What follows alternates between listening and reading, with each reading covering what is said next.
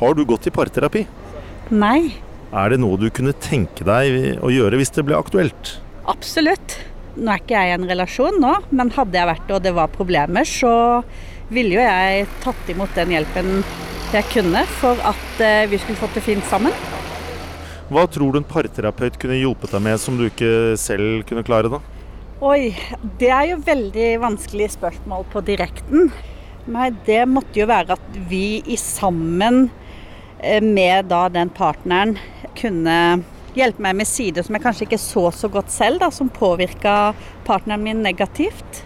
Og så kunne jeg få en tredjepart som kunne nikke og være enig i at det, det er nok et problem. Jeg nå har jeg jo sett på Sex Education, og der er det jo så mye prat om det. Så jeg tror det vil hjelpe å innse, innse ting som du ikke har sett, eller klarer å se selv. da. Hva tenker du at en parterapeut kan hjelpe til med? Bedre kommunikasjon i et forhold, kanskje. Og være et sted hvor man kan lufte problemer man kanskje ikke klarer å ta opp alene. Du tror ikke det kan bli litt kleint å sitte der, da? Nei, ikke hvis du er trygg nok på partneren din. Det tenker jeg man bør være i et forhold. Har du gått i parterapi? Ja, for eh, 19 år siden. Hvordan opplevde du det? Jeg fikk bekrefta alle fordommer fra alle sider. Både som par og som mottaker av terapi. Men hva var fordommene? Ja, Det trenger jeg ikke å si noe om. Men syns du det hjalp, da? Ja,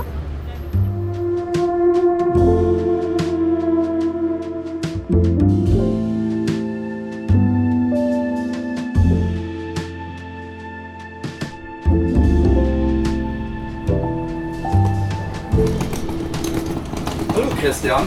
Hei, Frode. Velkommen til studio. Takk skal du ha. Det var det fint her. Ja, det er til og med litt sånn bergensk eh, regn på, på taket her. Oslo er det nye Bergen.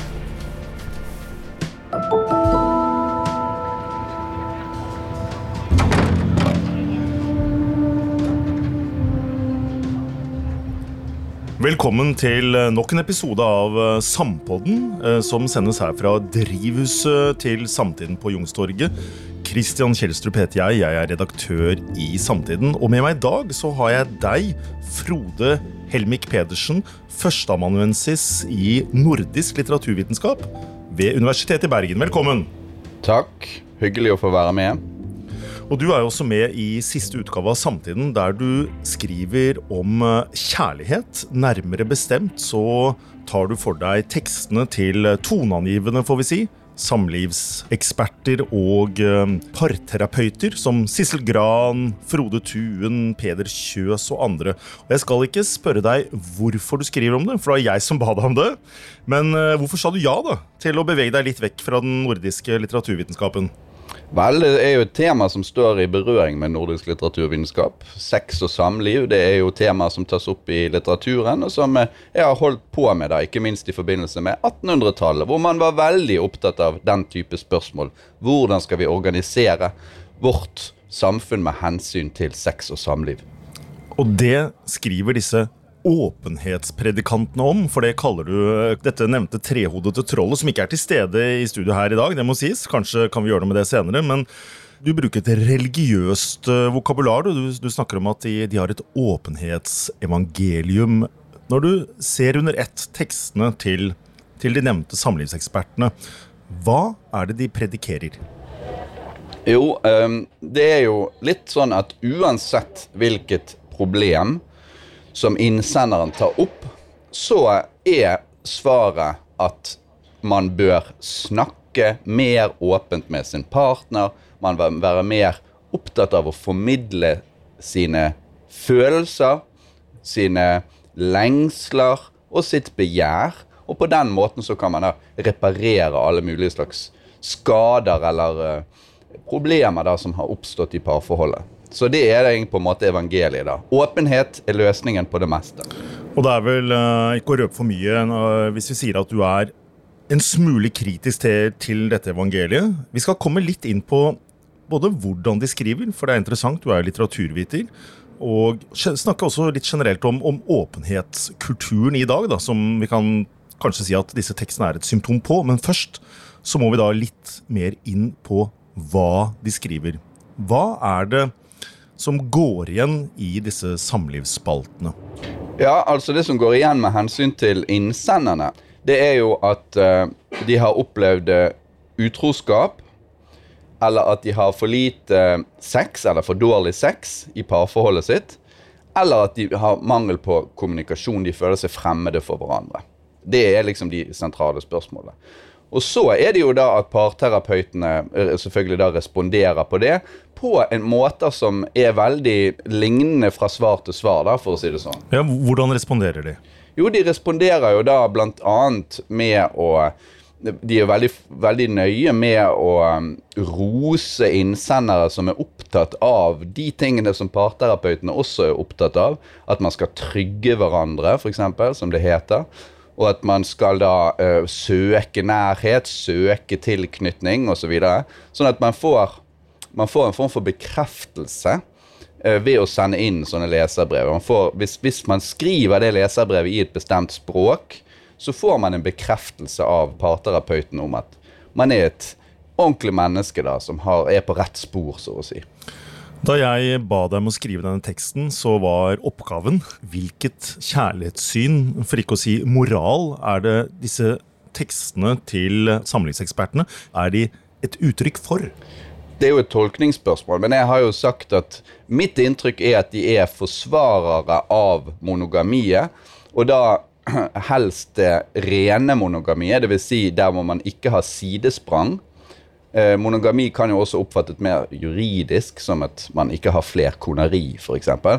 Men her er, det, her er, det, snakk om å prøve å holde, så å si, et, et eh, et troskapsforhold. Fordi at man er så opptatt av tilknytning og nærhet, så er det klart at hvis det kommer inn et utroskapselement, så vil jo det ødelegge for nærheten, og det vil ødelegge for forholdet, og det vil ødelegge for intimitet, muligheten for at pardynamikken er erotisk tilfredsstillende også, da, tenker man seg. Sånn at uh, kjærlighetssynet er at, at et langvarig, tillitsfullt forhold med sterk tilknytning til hverandre, åpent og fortrolig, det er idealet for alle. Og det er også par. sant? Ja, Det ligger jo litt i ordet. De er jo parterapeuter. Så de er, de er, er, det ikke da bare høyst naturlig at de prøver å få parene til å forbli og fortsette med å være par? da?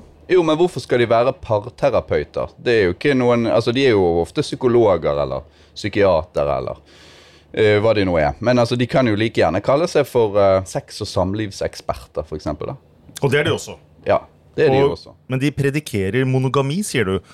Tenker du at det er uh, overraskende? Du sier det på en måte som det høres nesten litt gammeldags ut? nei, ja, det er jo litt overraskende når man tenker på hvor frilynt kulturen oppfatter seg selv. Altså at vi i dag tenker at nå er alle de gammeldagse normene og sånn egentlig passé. Nå kan vi leve akkurat sånn som vi vil. Sex og singelliv, ditt og datt. Men når du ser på samlivsspaltene, så er det veldig mye par, monogami, tilknytning, barn, trygghet osv. Den type ting. Eh, og det har jo selvfølgelig noe å gjøre med hvem som skriver inn til disse spaltene. Eh, vil jeg tro da. Ja, Hvem er det, tror du? Ja, Det er iallfall ikke en 20 år gammel mannlig student på BI som er singel. men, men, eh, men, men, hvem er det, da? Nei, det er jo, det er jo gjerne Det er vel typisk folk som har vært sammen med en partner en stund. Sånn når, når, problemene da er begynt så å si å balle på seg, så, så, skriver de inn. Men det hender jo at det er folk som har problemer med å, å få seg partner, som, som, sender inn og sånn. Men, men, det store, store flertallet er fra slutten av 20-årene og opp et godt stykke opp i 50-årene som, eh, som, har problemer med partneren sin. Ofte langvarig partner. Men vi liker å tro at vi er mer frilynte, sa du. Uh, og I det glade 1960- og 70-tallet så dyrket man jo, dyrket man jo eh, frilyntheten. Uh, det du sier, uh, indikerer jo at vi på en måte er i ferd med å gå over til en slags sånn nymoralisme? da? Er det slik å forstå? Altså, Jeg mener at vi har delt inn kjærlighetslivet i to med hensyn til alder. Sånn at den frie uh, kjærlighetslivet det er forbeholdt folk som er fra ca. 17 til 26-27 eller noe sånt, før de virkelig blir etablert. Da er alt mulig tillatt. Sant? Da kan man ligge rundt osv., og, så videre, og det gjør folk. Og da er det veldig lite stigma, eller relativt lite stigma, f.eks. For, for, for uh, kvinnelige hva skal vi si, promiskuøse kvinner, da, som var et stort stigma tidligere, tror jeg er relativt greit nå. Men så er det det Hva skjer etter man er blitt etablert? Der er det dette kommer inn. Altså det, Da er det en helt annen type sett med regler og forventninger som gjelder. Og her er det rene monogamiet etter mitt syn presentert som en slags normaltilstand. Og det er det jo etter mitt syn igjen da, liten, eller så vidt jeg kan se, liten historisk presedens for. Det vil si det er ikke så mange eksempler i historien på at man har betraktet et rent monogami som normaltilstand. Ja, hva, hva er det historisk presedens eh, for, da? Ja, det, Historisk presedens er jo at man har et juridisk monogami som, eh, som gjør at man kan bare ha én kone. Sant? En mann kan bare ha én kone, og så skal familien organiseres rundt det. Men det har jo ikke vært forventet at menn skal avholde seg fra uh, uh, utenomforhold. I, i, I borgerskapets periode i Norge så var det jo stuepiker, sypiker og prostituerte som borgerlige menn gikk til, mens den borgerlige kvinnen skulle være Det er jo noen baksider ved den historiske presidensen, da. Ja, ja, jeg sier ikke det. Altså, Jeg sier ikke at det er noe ideal. Jeg sier bare at sånn var det til og med i det protestantiske Norge. Men så kan du jo tenke deg hvordan det var i det aristokratiske Frankrike. Du kan lese Marquis de Sade for eksempel, og se litt hvordan de holdt på. Uh, og uh, i, i Romerriket Vi vet jo alle hvordan det var. Det var ikke, det var ikke den type monogami. Så det tror jeg har vært gjengs, altså at man har tillatt på litt ulike måter har tillatt eller sett gjennom fingrene med da, sidesprang. Det har vært kalt for dobbeltmoral. Det var den man skulle bli kvitt på 1960-tallet. Dobbeltmoralen. Og dermed så skulle man si nei, nå bare frigjør vi alt. Og da tenkte de som så at det er patriarkatet, dobbeltmoralen, den borgerlige hykleriet. Det er det som er grunnen til at vi er undertrykte seksuelt. Så dette er det bare å kvitte seg med, og så vil vi bli lykkelige, alle sammen. Da kan vi ha mye friere seksualliv og kjærlighetsliv, og vi vil slippe all den smerten som kommer av undertrykkingen, altså som systemet så å si pålegger oss. Så viste det seg at det gikk ikke. Men du satte jo fingeren på om ikke en dobbeltmoral som en slags sånn eh, paradoks i vår kultur. da, For det, det, stemmer jo det du sier, at uh, på veldig mange av oss så har man noen kjærester, og man har noen one night stands, og så plutselig så skal man treffe noen man skal være sammen med livet ut. Og da gjelder andre regler. Altså Man går fra å dyrke en form for kjærlighet til en annen litt. Ja. Og det er jo ikke så lett for oss som uh, mennesker med motstridende lengsler og behov. Høres på meg ut som om det du beskriver, ikke er, ikke er en idealtilstand. Så hvordan burde vi da ha organisert kjærlighetslivet vårt eh, bedre? da, mener du? Nei, nei, Man må akseptere at det fins ikke noen idealtilstand. Og det fins ikke noen normaltilstand. Det må man rett og slett bare akseptere. Vi vil gå igjennom uh, livet med store seksuelle frustrasjoner, med kjærlighetssorg, uh, med uh, utrolig tunge stunder med partneren osv. Det er helt naturlig. Og det må, må, vi på en eller annen slags måte bare være voksne nok til å innse at sånn er det. Og så bør vi nok være litt mer forsiktige med å blande opp i andres affærer. Uh, Sissel Gran snakket jo veldig interessant om det på den, vår samtale i går. Da sa hun det at hun Da samtiden ble lansert? Da, da, samtiden ble lansert i går på Månefisken i Oslo, så uh, sa hun at, uh, at, at det er en sterk tendens hos mange til å fordømme utroskap, f.eks. For Forakte folk uh, som har gjort seg skyldige i det, helt til de selv en dag sitter der og er skyldige i det selv. Og da, kommer, da får pipa en annen låt, som det heter. Og det fremgår jo av disse samlivsspaltene at dette er veldig vanlig. Det er enten er det at det har skjedd utroskap, eller så er det at det er for liten aktivitet i ektesengen. OK, så hva gjør du? Vel, hva skal man gjøre som menneske? Man får på en måte bare finne en eller annen slags vei rundt, rundt alle de livets uh, fenomener som oppstår, da. Men ikke vær så høy på, på din egen uh, moral. Ja, For du sier jo at uh, vi må bare akseptere at det finnes ikke en idealtilstand her. Uh, og likevel så er det jo masse masse bråk og støy rundt begreper som utroskap. Du, du, beskriver teksten din at utroskap det blir i uh, familien mottatt som noe nesten verre enn et dødsfall. Uh, mener du at vi burde bare senke skuldrene litt? Slappe av litt? Ja, altså Det var jo et sitat fra Asle Toje som skrev det. Det var en morsomt essay om ungdommens prektighet. sant? Tidligere så var sidesprang ansett som et friskt selvrealiseringsprosjekt eller uttrykk. Nå det, ble det behandlet som et dødsfall i familien. Jeg skal ikke si noe annet enn at det, at det kan selvfølgelig være veldig alvorlig og oppleves som en helt katastrofalt. Livet kan falle sammen og sånn. Men det betyr kanskje at man har vært litt for opptatt av, eller litt for eh, så å si trygg på at normaltilstanden varer evig, da. Eh, og at man kanskje heller bør, bør tenke litt annerledes om disse tingene. I større grad akseptere at det fins uønskede ting i livet, da. Som, som f.eks. at partneren er utro. Du, som eh, redaktør for eh, tidsskrift som kaller seg Samtiden, så vil jeg hevde at ett trekk ved vår tid, og kanskje også tidligere samtider, er en viss tendens til å se på nettopp fortidige praksiser som primitive eller banale eller helt håpløse. Ikke minst på kjærlighetens område. Vi kan le av hvor ufri man var, eller hvor stor forvirring som hersket. Og da lurer jeg på, for du holder på med en bok nå, som kommer senere i høst, som skal hete 'Splintende øye', hvor du også tar for deg eh, seksual- og moraldebatten på 1800-tallet som store forfatt norske forfattere som Ibsen og Bjørnson var engasjert i. Hvis du med det for øye zoomer litt ut og sammenholder med vår tid, er vi mer fri i dag, og vet vi mer enn vi gjorde før? Uh, ja, vi er, mer, vi er, mer, fri hvis du snakker helt generelt. Særlig kvinner og skeive er mer fri enn de var før. Uh, men vi er, også, vi, er, vi er, også, på en eller annen slags måte blitt konforme på, ny, på nye måter. Uh, så for eksempel det at så Du kan jo tenke det som, som ektefelle. Hvor, hvor, mange ganger får du anledning til å dyrke en relasjon til en person i den heteroseksuelle verden av det motsatte kjønn?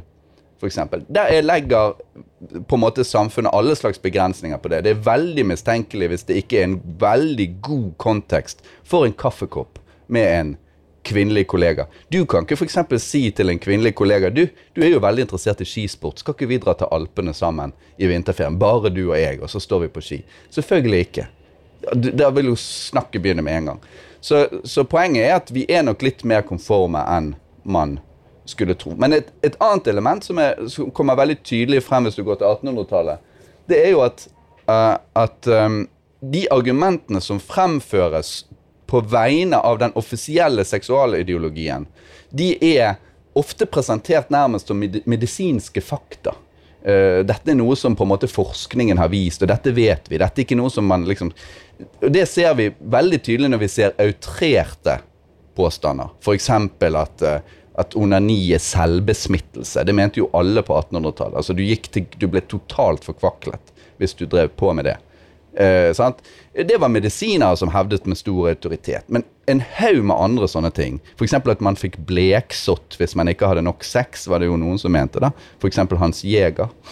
Og, og så videre og så videre. Og så ser man da at det kommer religiøse dogmer inn, det kommer personlige preferanser inn, og all slags en sånn saus som begrunner et offisielt seksual, en offisiell seksualideologi. Litt sånn er det i dag også. Hvis du leser disse samlivsspaltene, så er det en god del av de tingene der som fremstilles nærmest som om dette vet vi fra vitenskapen at slik forholder det seg. F.eks. At, uh, at tilknytning fører til bedre sex.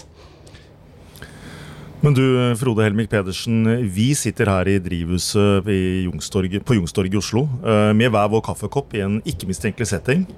Og nå har vi snakket eh, en del om, eh, om hva disse angivelige åpenhetspredikantene predikerer. Siden du er litteraturviter, så vil jeg også høre litt om hva du tenker om hvordan de predikerer det.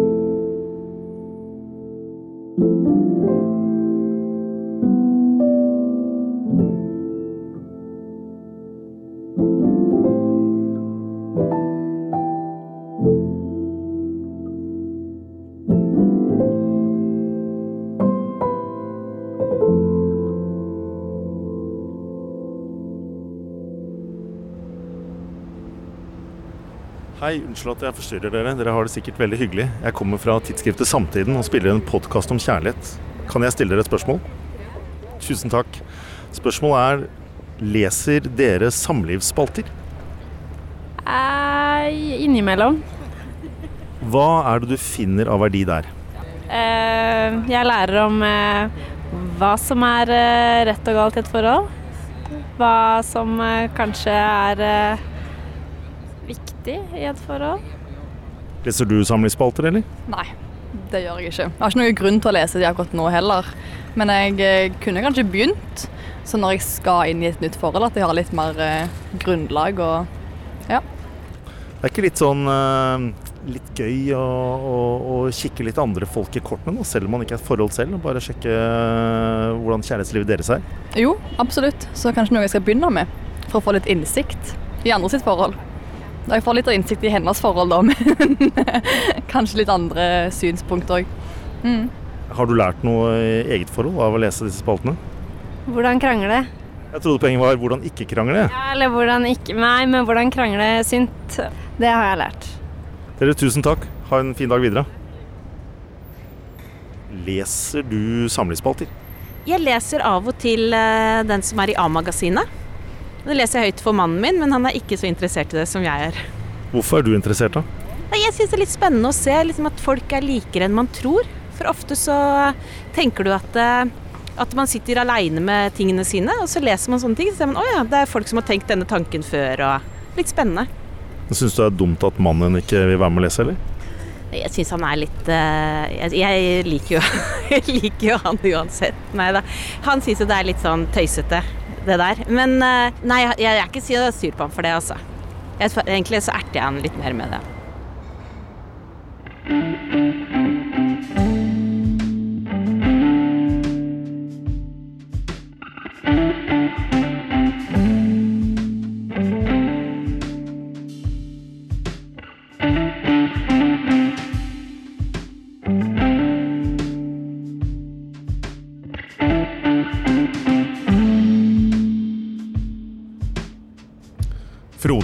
Frode Pedersen, eh, du er da førsteamanuensis i nordisk litteraturvitenskap ved Universitetet i Bergen. Og eh, nå har vi sittet en stund her i Samtidens eh, drivstudio på Youngstorget i Oslo og snakket om hva disse angivelige åpenhetspredikantene forkynner.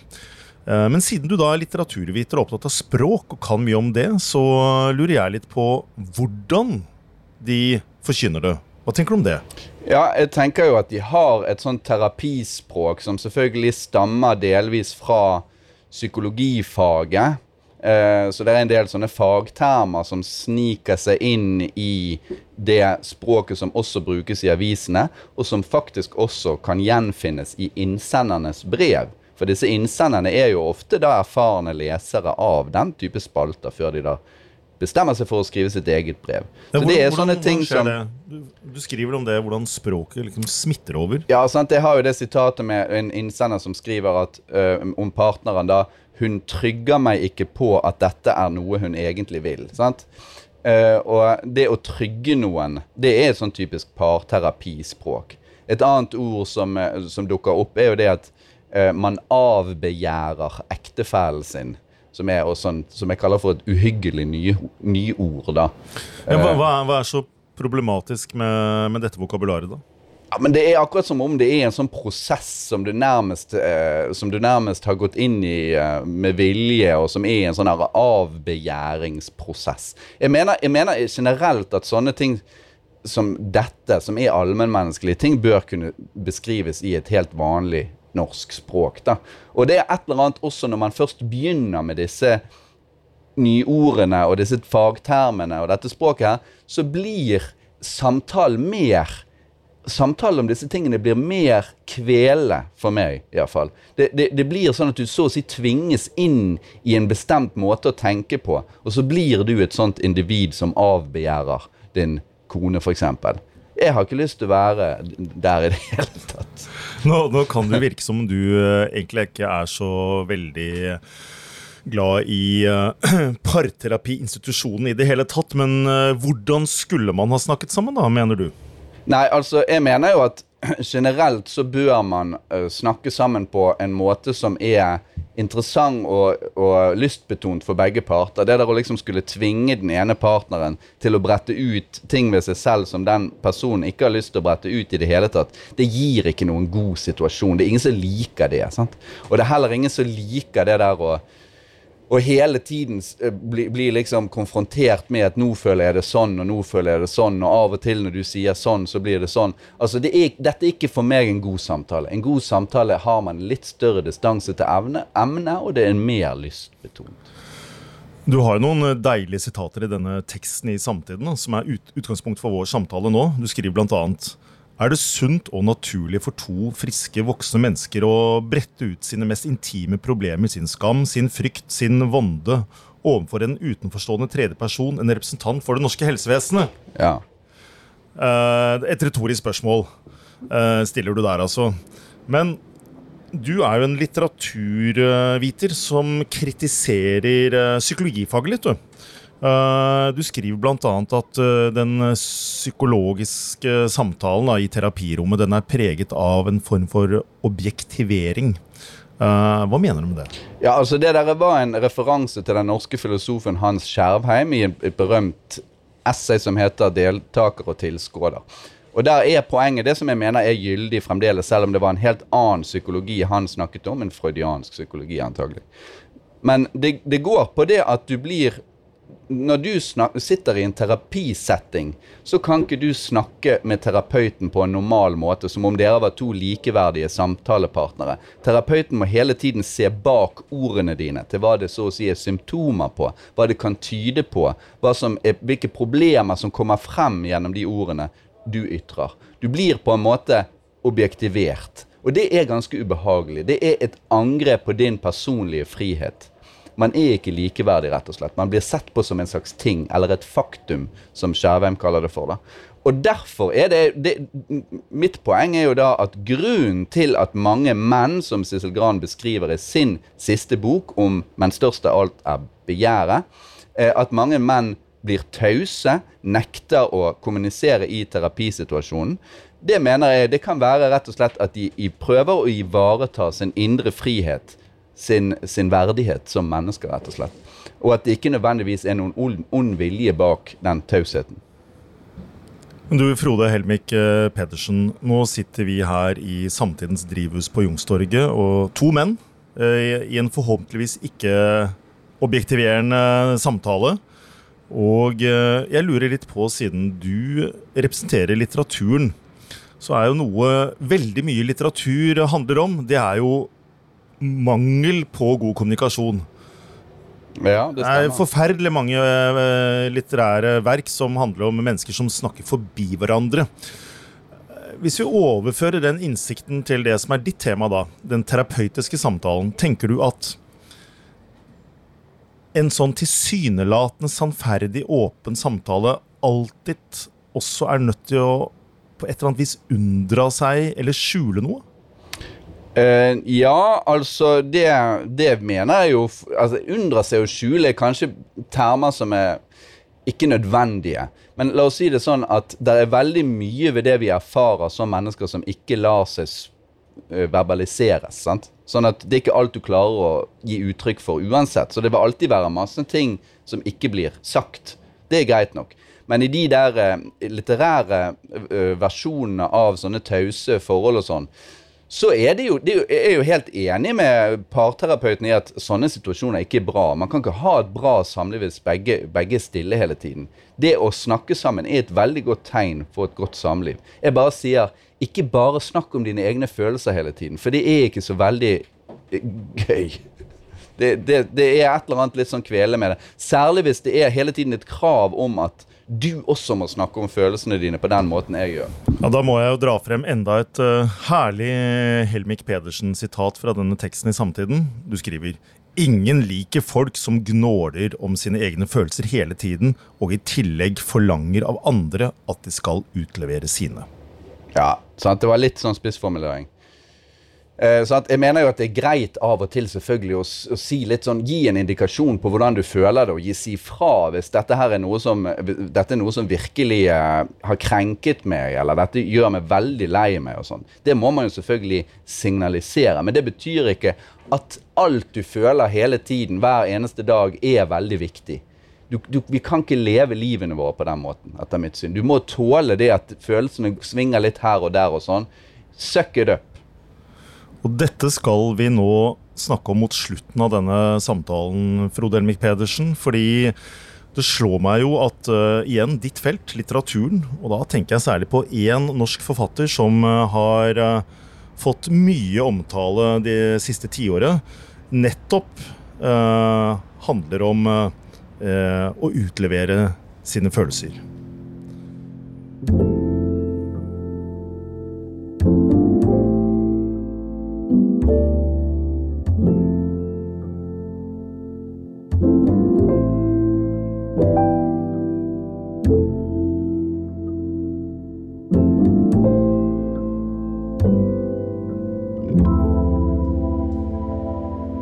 Frode Elmik Pedersen, vi sitter her i Samtidens studio på Youngstorget i Oslo. Kristian Kjelstrup heter jeg og er redaktør for Samtiden. Og nå har vi snakket en del om det du mener er norske samlivseksperters og parterapeuters evangelium, og hvordan de forkynner det. Da jeg ba deg skrive denne teksten i Samtiden, så visste ikke jeg at du samtidig skulle levere en kritikk av noe som handler om noe annet, også større enn kjærlighet på et vis, nemlig det du kaller åpenhetskulturen. Og jeg siterte deg nettopp på at uh, ingen liker folk som gnåler om sine egne følelser. Ja, er det riktig, lurer jeg på. For vi har en norsk forfatter som uh, kanskje er den viktigste det siste tiåret, Karl Ove Knausgård. Og han gjorde jo vitterlig suksess på å gnåle om egne følelser i seks bind. Ja, altså Her kan man svare ved hjelp av Sigmund Freud og hans essay om dikteren. og Der står det jo det at dikteren Alle har lyst til å bekjenne seg selv til andre mennesker. Dikteren har det fortrinn at han gjør det på en så vakker måte at alle sluker bekjennelsen uten engang å legge merke til at de, er, de blir egentlig påtvunget noe som de ikke kanskje helst ville ha. Men det er jo én måte å se det på. Men altså, det har jo selvfølgelig med det å gjøre at uh, Knausgårds verk er veldig lesbart. da. Uh, og også noe som veldig mange kjenner seg igjen i. Det oppleves ikke, Selv om han skriver veldig tett på seg selv, så oppleves det ikke som bare noe som angår han, men tvert imot noe som angår oss alle. Det er jo det som er nøkkelen. Så, så vakker gnåling, det er greit, altså? Ja, da er det ikke gnåling, da. Da er det jo uh, et kunstverk. Et litterært kunstverk. Men det er jo ikke først og fremst for å, å lese om, om Knausgårds følelser at vi leser det verket. Han beskriver jo til og med ganske ofte hvordan han stenger av overfor kjærester som vil snakke om ting. Altså at han fremstår som en avstengt mann til tider. da. Ikke minst i, til, i den der om våren, som er et slags Min kamp 7. Han er jo en avstengt mann muntlig, for det, det sier han selv. Men skriftlig så, så, er han ikke veldig avstengt. Men nå er det ikke Knausgård primært vi skal snakke om, men det jeg prøver å sirkle inn, da, det er jo dette med åpenhetskulturen generelt. Fordi uh, du snakker om uh, åpenhetspredikantene. Og så har vi i andre kanaler og medier enten jeg-litteraturen, som har stått så sterkt, ikke bare Knausgård, men en rekke andre selvutleverende forfattere i, i Norge det siste tiåret. Vi har sosiale medier, vi har reality-TV. Henger det sammen på et vis? Ja, det vil jeg jo si. da, At det er en form for uh, Altså, det, Den tesen til Richard Sennett heter intimitetstyranniet. Intimitetstyranniet. Den syns jeg er ganske betegnende for situasjonen. Altså at man må by på seg selv, man må by på private detaljer. Da blir man likt, da får man også politisk makt osv. Eh, man kan eh, ha en stor eh, portefølje av politisk uheldige meninger eller beslutninger og sånn, men hvis man klarer i et medialt øyeblikk å fremstå som en sympatisk person, så trumfer det det meste. Og det syns jo ikke er en veldig altså jeg synes ikke det er en veldig god situasjon. Jeg vet ikke om du kan gjøre så veldig mye med det, men det er en, en situasjon som har problematiske sider. Åpenhet det er jo et, et, verdibegrep blitt. Altså, jeg kan se på meg selv. Jeg, har, jeg sitter i et drivhus på Youngstorget. Hvorfor gjør jeg det? Jo, det er bl.a. fordi det skal være transparent og åpent. Det snakker alle, alle bedrifter om også. Vi skal være åpne. Et beslektet sånn positivt ladet ord, eh, det er utadvendthet. Eh, utadvendt, det er noe du helst skal være. Du skal ikke være innadvendt. Er dette noe som kan snu?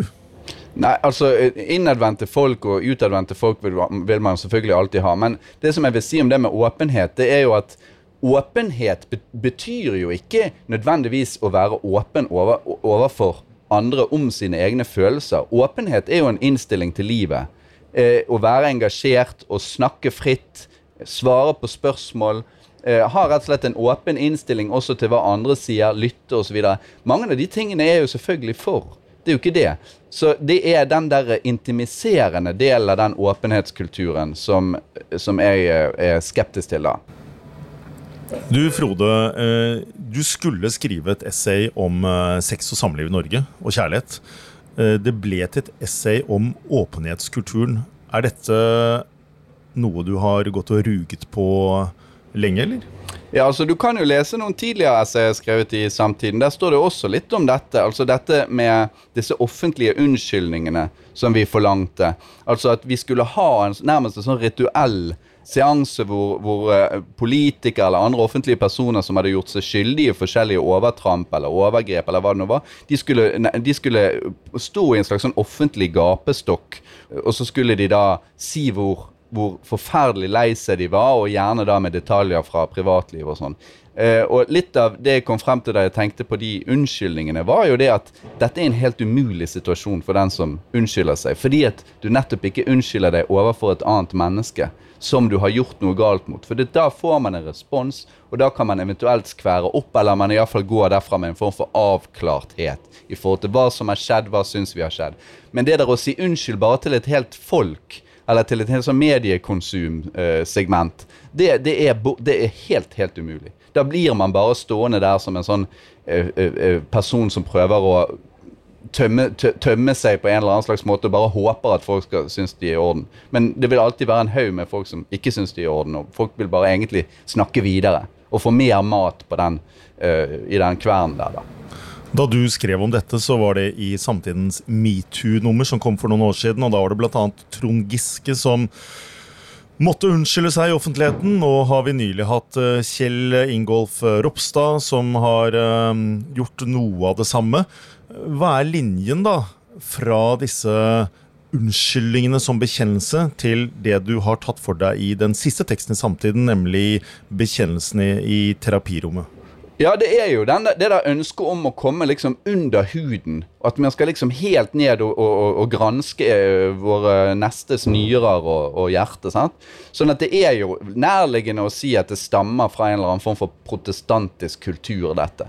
At vi skal rett og slett være eh, synsbevisste.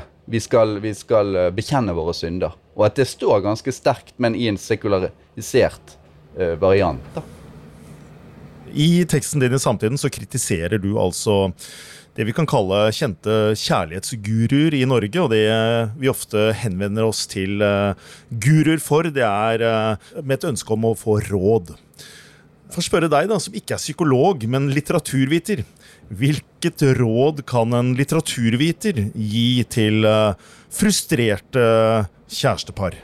Dette rådet gir jeg som menneske, ikke som litteraturviter. Og det, det første rådet jeg vil gi, ikke vær så veldig fordømmende og sladrete om andre folks affærer. Hvis du lar være å gjøre det, så vil du kanskje bli friere selv. Eh, og det vil du få igjen kanskje senere, når det er din tur til å stå i en dårlig situasjon. Det andre er vær et voksent menneske. Innse at livet er fullt av smerte og frustrasjoner, og prøv å håndtere det med et visst monn av eksistensiell besluttsomhet. Eh, og siste rådet ikke gå til parterapi. Og det ble siste ord fra samtidens drivhus. Takk til deg, Frode Helmik eh, Pedersen.